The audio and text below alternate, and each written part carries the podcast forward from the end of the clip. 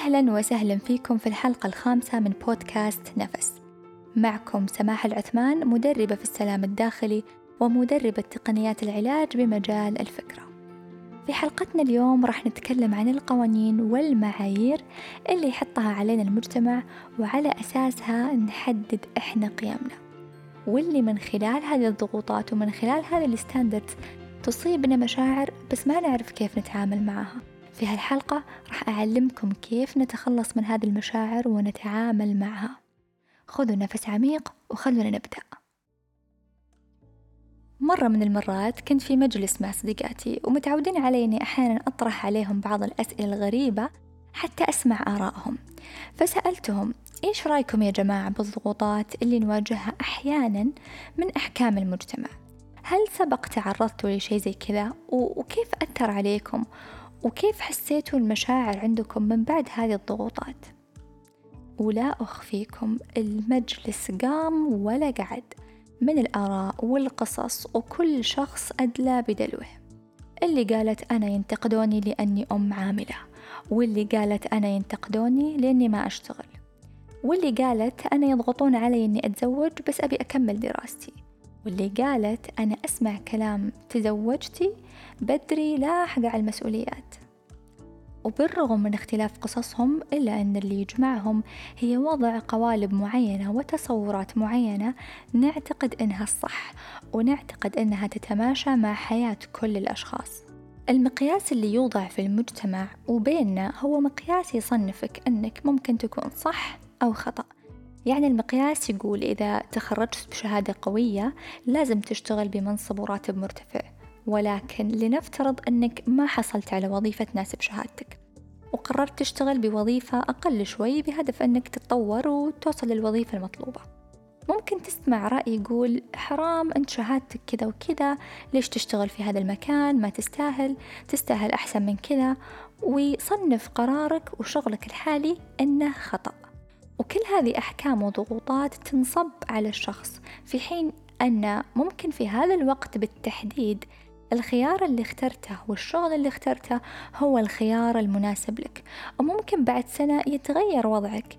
فليش نحكم عليك؟ لأن عندنا معايير وتصنيفات تبرمجنا عليها. مثال ثاني الأم العاملة. ينقال لها حرام ترك عيالك ما عندهم أحد مين يهتم فيهم. شغلك مو أهم من عيالك. وفي المقابل الأم الغير عاملة اللي تعتبر full time job حتى في ال weekend تشتغل. الله يجزي أمهاتنا الجنة. ينقال لها حرام تتركين مستقبلك وتقعدين لعيالك روحي اشتغلي ما حد دايم لك. كل القصتين لها أحداث وظروف مختلفة. بس تعودنا أن يكون عندنا قالب الصح والخطأ قالب التصنيف والأحكام أنت كذا أو كذا. في حين أن الشخص اللي يحكم عليك ما يعرف ظروفك اللي خلتك تختار هذا الاختيار في حياتك. طيب والجزء المهم من هذه الحلقة اللي أنا فعلا أبغى أركز عليها هذه الأحكام كيف تنعكس علينا؟ وهنا بالضبط أبغى أركز لأن هذا الموضوع ما حد يتكلم عنه ما حد يوصل للمشاعر اللي في الداخل فينا اللي تؤلمنا. فلذلك أبغى أسلط عليها الضوء.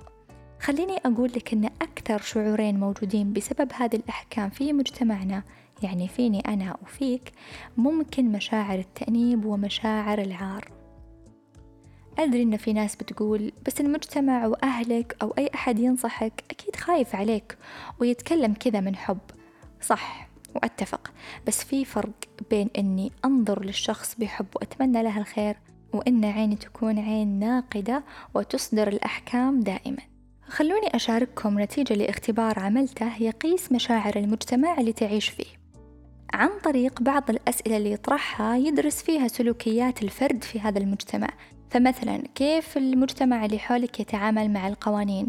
كيف المجتمع اللي حولك يتعامل مع أطفالهم؟ كيف المجتمع اللي حولك يتعامل مع الشرطة؟ إلى آخره. من بعد الخمسة وعشرين سؤال يعطيك المشاعر الغالبة على مجتمعك والمجتمعات الأخرى. فمثلا بعد ما عملت الاختبار ظهرت عندي النتائج أنه مثلا مشاعر الغرب يغلب عليها مشاعر التأنيب. والسؤال اللي دائما يكون عند الفرد هل تصرفي عادل أو غير عادل؟ Is this something fair or not? في حين أن مجتمعنا يطغى عليه مشاعر العار والسؤال اللي غالبا يكون عند الفرد في العمق وش بيقولون الناس لو سويت كذا؟ لاحظوا في العمق. How people will look at me if I do X. لو انفصلت إيش بيحكمون علي؟ لو توظفت بهالمكان إيش بيقولون عني؟ لو عملت كذا إيش بيطلع عني كلام؟ هذا بحسب الاختبار. ولكن شخصيا أشوف أن اللي يغلب على مجتمعنا هو التأنيب والعار مع بعض. إحنا كأفراد من هذا المجتمع البرمجة السائدة عندنا هي التأنيب إنه إحنا مقصرين. إن قراري خطأ إن اللي قاعد أسويه مو هو الشيء الصح. فيكون شعور التأنيب هو الشعور الملازم لي والتساؤل يكون هل أنا المفروض أسوي كذا ولا كذا؟ في كل أمورك في أكبر أمورك وأصغرها. نلقى الأم تأنب نفسها هل من الصح أني أنا أترك أولادي وأروح أشتغل؟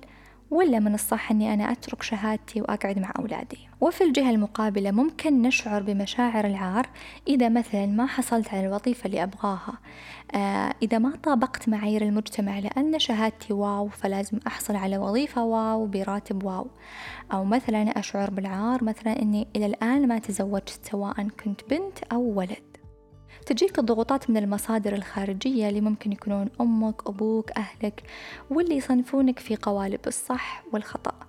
ولكن إحنا نحتاج نستخدم قالب جديد. تعرفون إيش هو؟ قالب مناسب وغير مناسب. هذا الشخص يناسبه أنه يأخر زواجه وهذا الشخص يناسبه أنه يتزوج بدري. هذه الأم يناسبها الآن أنها تكون مع أولادها. والأم الثانية الأفضل لها أنها تشتغل. ما في صح وما في خطأ في مناسب وغير مناسب.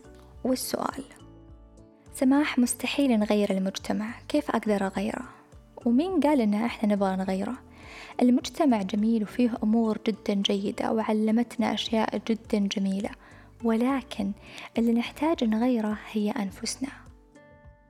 يقول الله تعالى إن الله لا يغير ما بقوم حتى يغيروا ما بأنفسهم. فابدأ غير نظرتك لأي قصة تسمعها. استخدم قالب مناسب وغير مناسب. لا تضع أحكام على الآخرين. هذا خطأ يقرر كذا وهذه مفروض تسوي كذا وهذا الأفضل له يعمل كذا. لا تمشي الناس بمعايير وفلاتر. دائما تذكر أن المناسب لك قد لا يكون مناسب لغيرك. وكفرد تعلم كيف تتعامل مع هذه المشاعر اللي أنت الآن واعي لها. واعي أنه ممكن التأنيب اللي فيك بسبب أنك ما حققت مقياس شخص ما أو العار اللي تشعر فيه بسبب أنك خايف إيش بيقولون عنك. تقبل المرحلة اللي أنت فيها الآن وكل ما كان قبولك عالي وتصالحت مع نفسك كل ما قدرت تواجه هذه الضغوطات بشكل أسهل ورسالتي لك. من الآن ابدأ راقب نفسك وراقب مشاعرك. في نهاية اليوم لما تجي تنام اسأل نفسك هل الغالب على مشاعري إيش؟ فرح وبهجة وراحة ولا تأنيب وعار وعدم الرضا عن الذات؟ تأكد أن الله خلقك في هذه الدنيا حتى تتعلم وتعمرها. فبالتالي تستحق حياة أفضل ومشاعر أفضل. فلا تترك هذه المشاعر هي اللي تتحكم فيك. تخلص منها وابدأ ركز كيف تتطور وكيف تتغير. وإذا حاب أنا ممكن أساعدك من خلال برنامج رحلة تغيير على موقعي اللي يعلمك كيف تتخلص من مشاعر التأنيب والعار وجلد الذات بتقنيات التي إف تي. أنصحك تطلع عليها في أكاديمية سماح تجد الرابط في أسفل البودكاست في الشرح. وفي الختام خلونا نسأل الله يعلمنا كيف نتوقف عن إطلاق الأحكام على الآخرين. وكيف نضع أنفسنا مكان الآخرين قبل الحكم عليهم. وخلونا نسأله سبحانه كيف ممكن كل شخص فينا يساهم في تطوير هذا المجتمع ورفع وعيه والارتقاء فيه عن طريق أنه يرتقي بنفسه. وكيف ممكن نتخلص من مشاعر التأنيب والعار ونستبدلها بمشاعر الحب والبهجة. اكتب لي في التعليقات أكثر مشكلة واجهتها من المجتمع وراح أناقشها معاك على الإنستغرام. لا تنسى تشارك هذه الحلقة في جروباتك حتى تصل لأكبر عدد من أفراد المجتمع وكلنا نبدأ بالتغيير.